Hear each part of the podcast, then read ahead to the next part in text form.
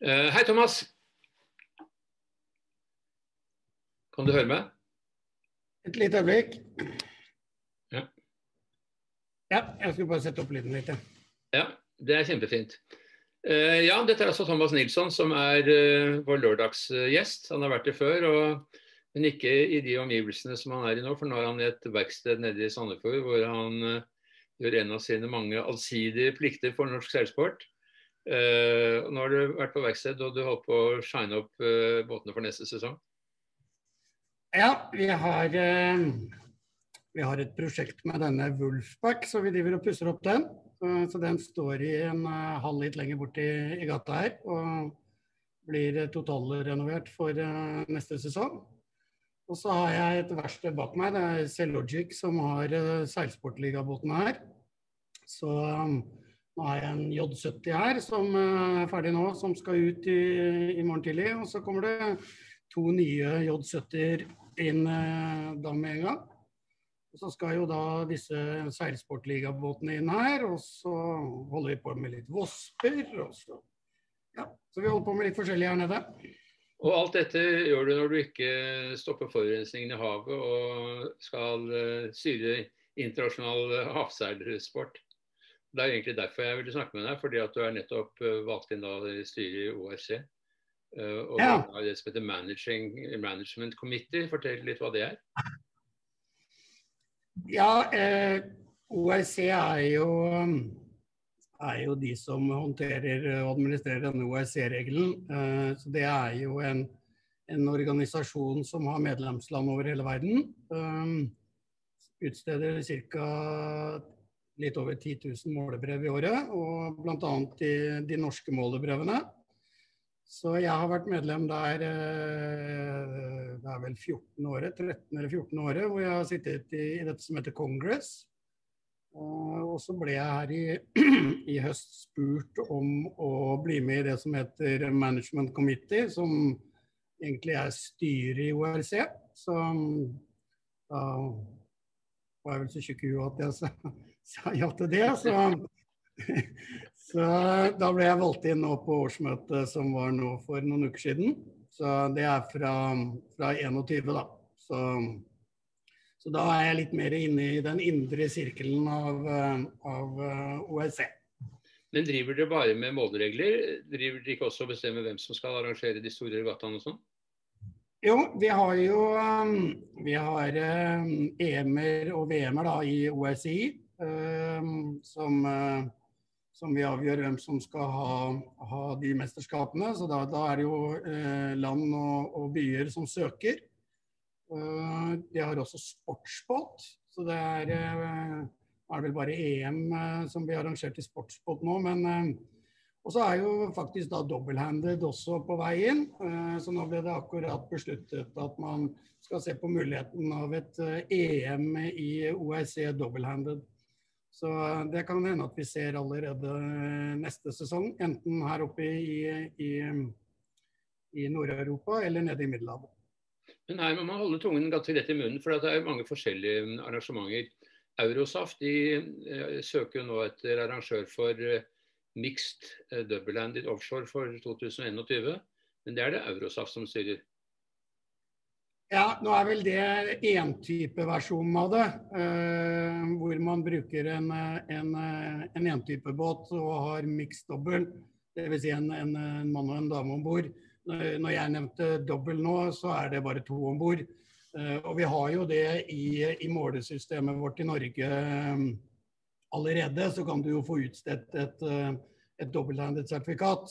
Så det, det er bare et, et, et, et, målebrev hvor man uh, tar hensyn til om man vil ha en annen figurasjon på båten sin uh, enn det man har når man seiler fullt mannskap, eller uh, også mannskapsvekt. Sånn at, at, når du har færre folk på rekka, så, så har du jo mindre stabilitet.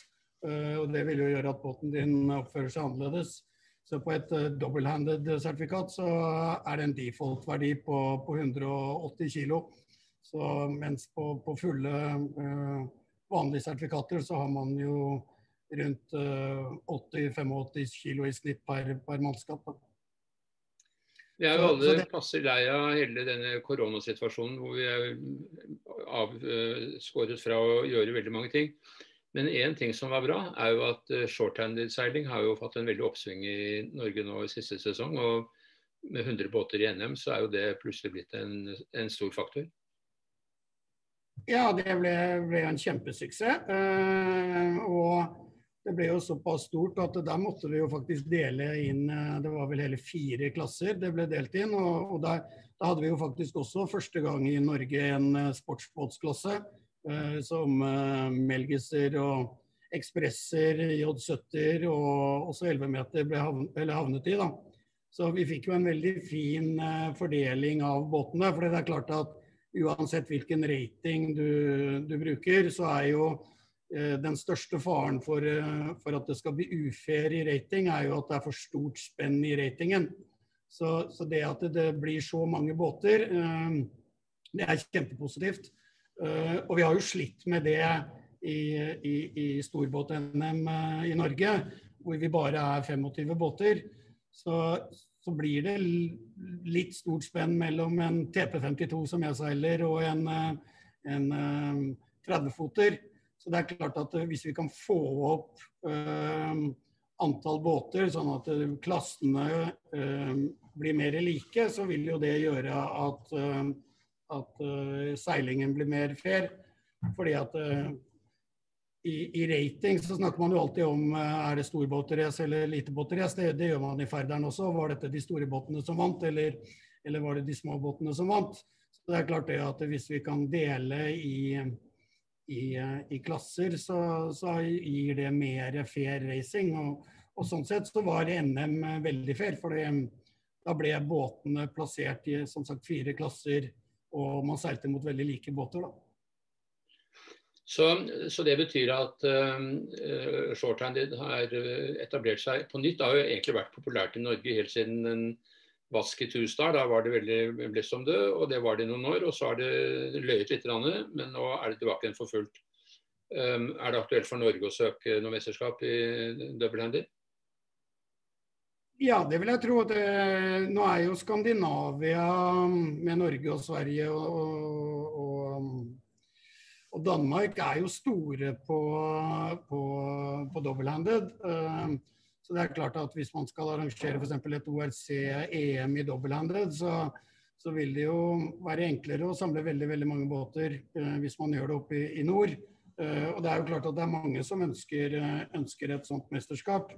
Så um, så vi, det er i gang. Eh, i, når det gjelder Norge, så er vi faktisk i gang med å, å jobbe for et EM i vanlig OSC med, med fullt mannskap i 22. Um, og, og, det er noen andre land som har vist interessen i, i 21 for, for dette EM-et i dobbelthanded, bl.a. Polen. Så, men her er det egentlig bare å, å hva skal jeg si, stille seg i køen. Søke, være, være på men, men, dette mesterskapet for vanlig ORC, eh, det har jo vært eh, jobbet med en god stund. Et samarbeid mellom KNS og Vestfoldforeningene. Eh, er det det samme konstellasjonen som eh, håper å få det nå?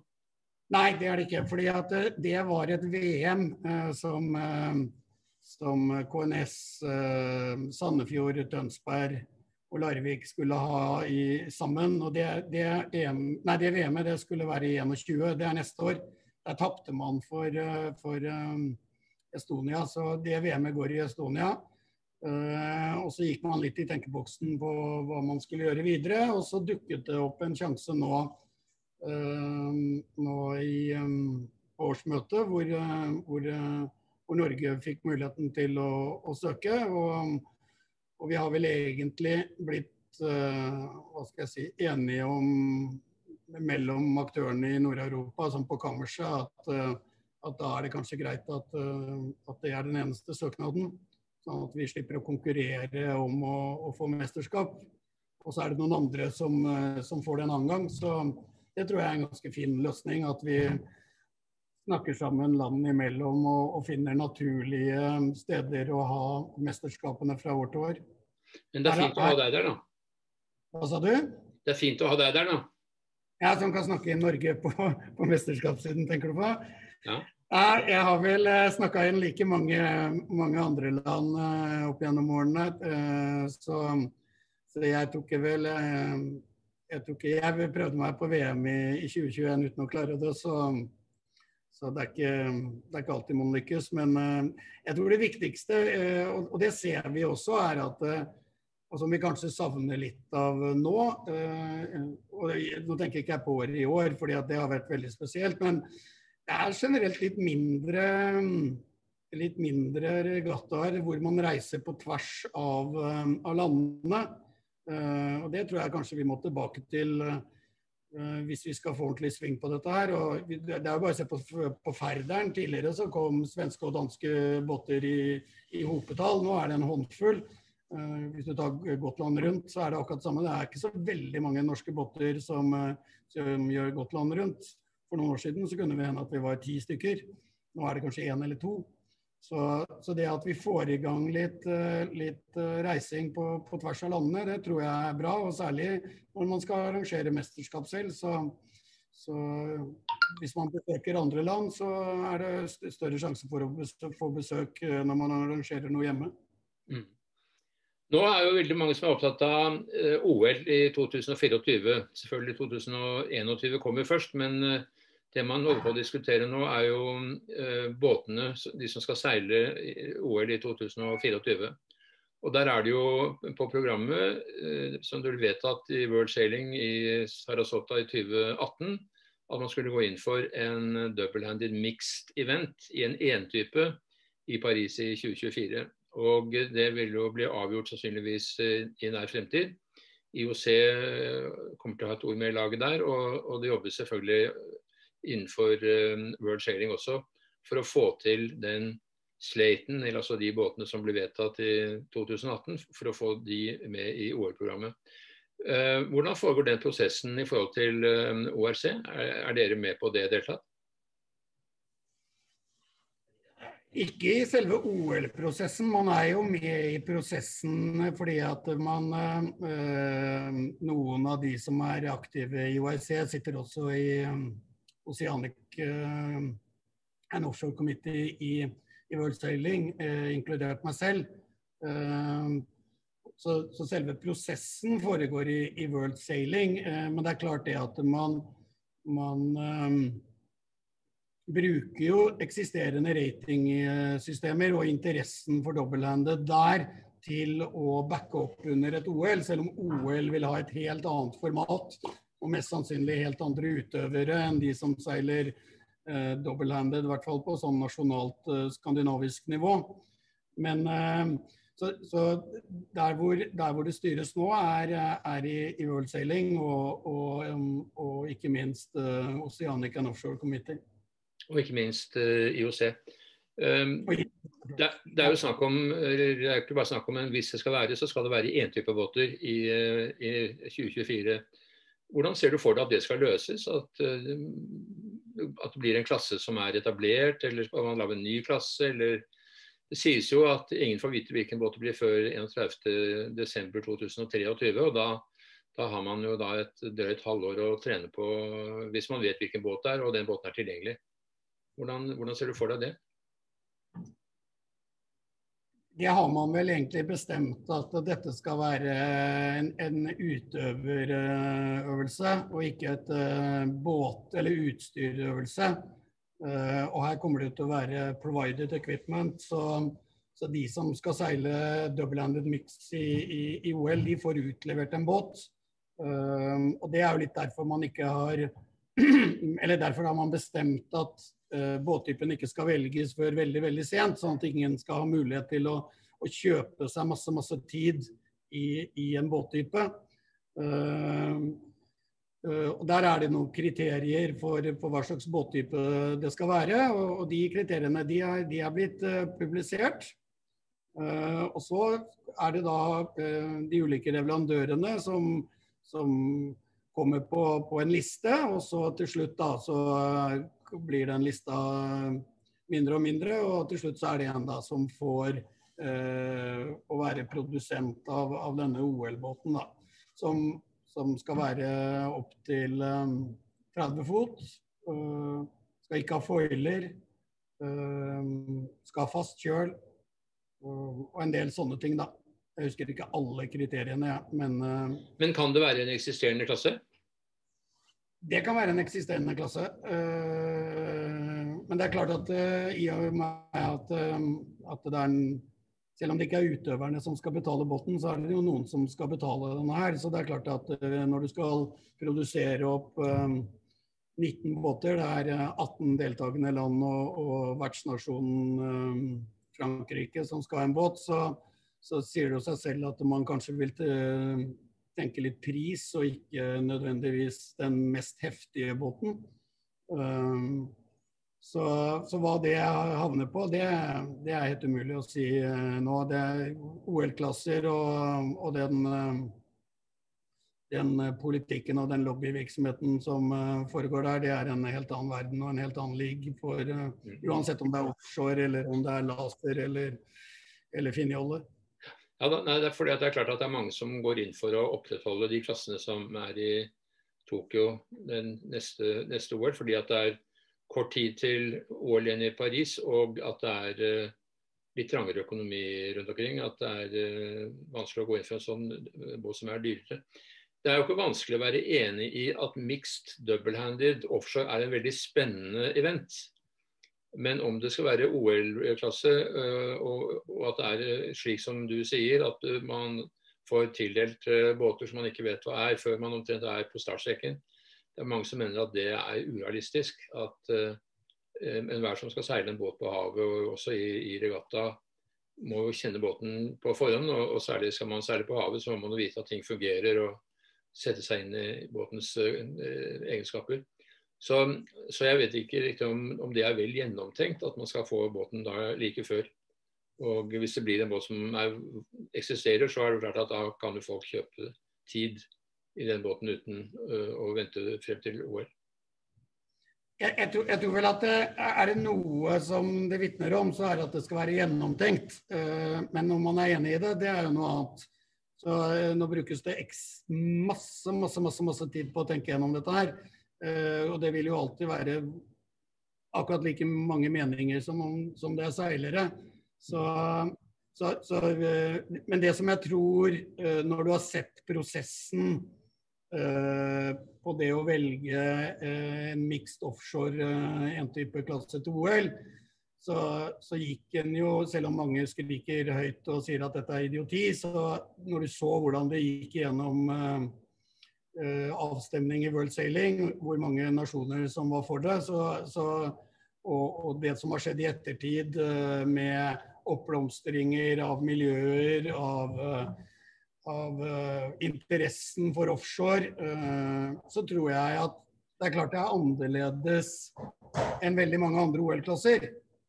Så hvis man skal tenke sånn tradisjonelt OL, så, så var det kanskje ikke dette her man tenkte på. Men, men, når du ser interessen for det, og, og, ikke minst at det skal arrangeres kanskje i det landet hvor, som er mest seilgale i hele verden, nemlig Frankrike, så tror jeg at vi gjør jeg kan, ikke, jeg kan, skjønne at andre enn seilere er skeptiske, men jeg tror at hvis vi seilerne er skeptiske til å få offshore inn i, inn i OL, da det har jeg litt problemer med å forstå. fordi at det kommer til å være en fantastisk boost for, for sporten vår, og det ser vi allerede.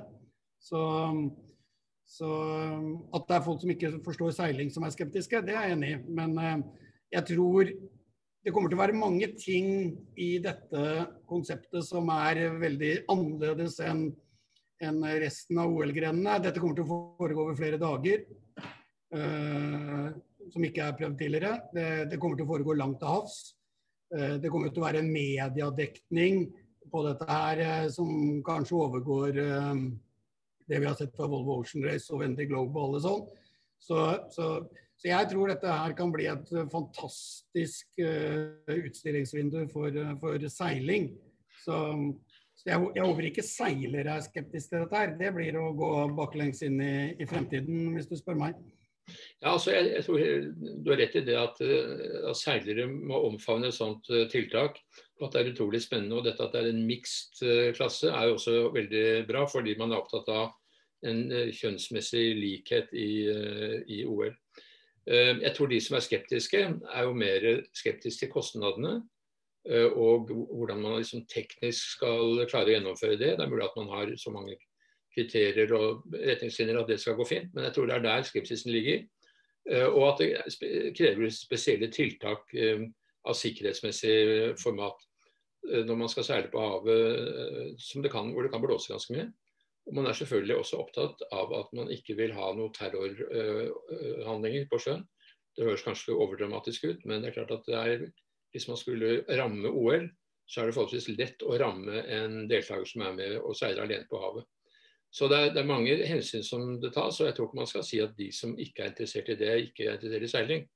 For det, det blir for enkelt. Men at det er uh, nyanserte syn på det, det, det er helt åpenbart. Og jeg snakker jo med veldig mange uh, i World Sailing som, som uh, har ulike syn på dette. Uh, og det, det, alle sier er at dette er jo veldig bra for seiling, men om det er, om det er en slik gren man skal ha i OL, fordi det blir de rike nasjonene som kommer til å kunne stille opp. For én ting er hva man gjør nå i Paris, at det blir likt for alle i og med at de ikke vet hvilken båt det blir før 1.1 og at det er båter som er tildelt av organisasjonen.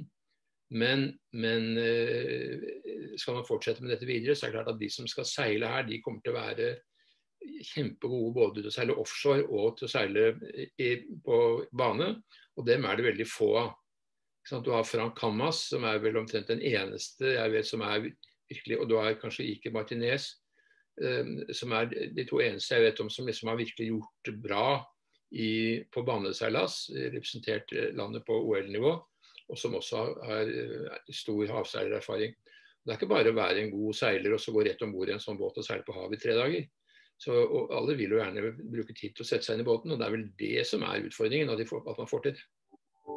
Ja, men hvis du ser på de, Nå nevnte du to navn. Eh, hvis du ser på de som nå dukker opp i i, nå var det eh, Du nevnte Eurosafti. Vi hadde jo EM i, i LM30, som har vært en båt som, eh, som World Sailing har hyra inn for, for, sine mesterskap. Og når du så på lista der med Marie Rouy fra Frankrike eh, Alt som kunne krype og gå Eller nå det ikke alt som kunne krype og gå fordi det var ti båter, men stort sett alle landene stilte opp med sine hotteste kandidater. Og det er, det er nok den type seilere vi vil se til, se til, et OL. Og det er bare bra, for det er det akkurat det samme som skjer i alle andre OL-klasser. Du, du, du, sender eliten, du sender de som har flest timer uh, i, i, sporten sin, og her blir det flest timer på havet. Uh, jeg snakket med Anders Pedersen her for, uh, i fjor vinter. og da Eh, var han veldig interessert om, om denne nye OL-klassen. Og når han en av de første tingene vi sa, eller han sa til meg i det møtet, så sa han og så blir det jo jævla billig, Thomas, i forhold til det jeg driver med nå. Og så sa jeg hva, hva, tenker du på? Jo, for jeg, jeg, jeg trenger ikke å ha meg trener. Vi skal ikke farte verden rundt på fly for å trene. Det blir helt annet treningsbilde. Jeg kan ta båten, en eller annen båt som jeg har liggende Eh, her hjemme. Låne en båt i, i Drøbak eller et eller annet, og jeg kan dra ut og seile og seile og seile, og så kan jeg komme tilbake, og så har det egentlig ikke kosta så jævla mye. Så, og, og, det å si at OL er så, at dette blir så veldig mye dyrere enn det som er i OL i, i, i nå, det Norge bruker veldig veldig lite, men samtidig så tror jeg vi bruker bortimot 10 millioner kroner i en, en, en OL-sesong. Og, og, det er bare på fire joller. Og så kommer sånn som store nasjoner som England, som har eh, Seilforbundet til England har vel 250 millioner kroner i budsjetter i året. Så, så, så, det å si at bare fordi at man skal velge en 30 fot båt, så, så, blir det, blir det dyrt. En, en ny finnjolle i dag koster skjorta, uh, og de skal de ha to av. En, nå er ikke Star lenger med, men en ny Star. Den koster jo omtrent som en LM30. Eh, så, så, så, det er jo litt hvordan man velger å se kostnadsnivået.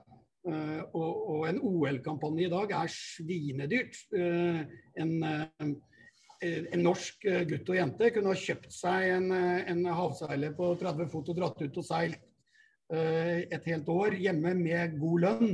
For det det koster at de skal, at de skal satse et år mot OL i en jolleklasse. Så så jeg, er ikke, jeg, er ikke, helt enig i at dette blir så fryktelig dyrt. Og, og hvordan World Sailing eh, gjør dette her, hvem som skal betale regninga på selve båten. All kvalifisering skal jo foregå i også provided equipment. Så, så, det blir jo bare at man tar med seg bagen sin og, og reiser et sted, og så, og så uh, er man i en uttakelse. Uh, på samme måte da blir det vel Europa som har én, og, og Nord-Amerika som en annen, og så er det de forskjellige uh, områdene i verden som har sine kvalistevner, og så blir man tatt ut. Så, så, det å ta med seg bagen sin og, og sette seg på et fly og reise et sted og, og få utlevert en båt og, og seile den i, i, 14 dager og prøve å vinne en kvalik, det er noe helt annet enn å dra med seg finjolla si til, til Florida i, i januar. Så du mener at det blir kvalifiseringsseilaser i forbindelse med OL?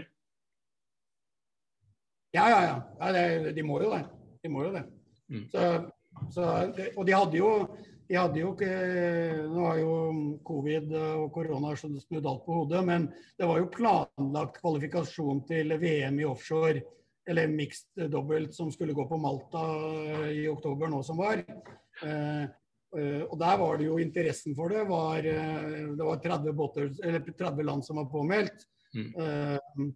Og Der måtte man ha kjørt, for der hadde man bare 18 båter tilgjengelig, så der måtte man ha kjørt en eller annen form for kvalifisering. Så så, så altså, at båtene blir dyre i seg selv i forhold til, eh, til eh, en del andre båter, godt mulig, men, men, at dette er den dyreste At dette gjør OL, at dette gjør seil-OL så veldig mye dyrere. Pluss at det er jo ikke utøvere, det er ikke ekstra utøvere. Disse to utøverne her er jo tatt av en pott av utøvere man hadde. Så, så jeg er, som sagt, Dette er jeg superpositiv til, og så får man se hvordan, hvordan vi ender opp. og Det er klart at det, det kan godt hende man ikke finner den ideelle løsningen første gangen.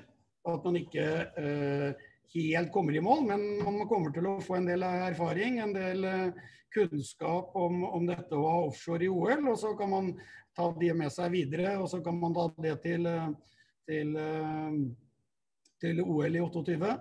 Eh, og Det er ikke alle OL-klasser eh, som har vært eh, like vellykket hver gang de har blitt plukket ut. Så, og Noen av de har forsvunnet ut bakdøra like fort som de kom inn. Så, og Det kan godt hende at det skjer med offshore også. Så, så, jeg tror vi skal gi det litt tid, og, og, og heller se på, på, dette som en utrolig mulighet til å, å, å vise fram en del av seilsporten som har mye, mye, mye mer hva skal jeg si, utøvere på verdensbasis. Eh, hvis du tar folk som har en eller annen forhold til en, en, en stor båt i offshore-sammenheng, så er det mange mange, mange flere enn det er jolleseilere. Så, mm. så, så, så, jeg, som sagt, dette her tror jeg bare er fantastisk for, for sporten. Og, og, kommer til å, å, vise det Det er klart det kommer til å bli dørgende kjedelig med, hvis det hvis det er vindstille i tre dager. Men uh, det er også annen sport som er dørgende kjedelig også innimellom. Så, og så kan det bli dritfett. Ja. Vel, vi, vi, får se hvor dette, hvor dette, havner. Det jeg kan i hvert fall si med sikkerhet er at eh, Seilmagasinet kommer til å følge med dette, på dette veldig intenst. og Vi skal slippe til alle som har meninger eh, om det. Og så håper jeg at det blir, selvfølgelig. Det er jo Eh, en absolutt eh, ny eh, gren som, som du sier, vil være flott å vise frem. Og, og, så får vi se hvordan det går gjennom de beslutningsorganene som det skal. Det er, IOC vil ha veldig mye de skal ha sagt, og, og, det nye styret da, med en kineser i spissen vil jo også ha en del de skal ha sagt når det gjelder dette valget. Og Det vil vi formodentlig se Eh, enten på slutten av dette året eller i begynnelsen av 2021. Yes. Ja, det er, som sagt, det er spennende tider i møtet. Og ikke minst så ser vi at um, shorthanded i Norge har fått en boost, så det tror jeg kan være litt spennende. Uh, og så kan det jo bli veldig spennende å følge kanskje hvem er det som blir de første som tar denne mixed double én-type varianten og satser på den. Det er noen som har det hviskes om noen lag som er kine på dette her. Så uh, dette her kommer til å bli superkult å, å, følge videre. Det gleder vi oss til, og da har det vært morsomt å snakke med deg. Eh, egentlig så kunne vi snakke om veldig mange andre ting også, men det får bli til en annen gang. Så da sier jeg takk for praten, Thomas, og du får gå tilbake til skipmaskinen din. Det skal jeg gjøre. Tusen takk, Mikkel. Så snakkes okay. vi igjen. Ha det bra. Ha det bra.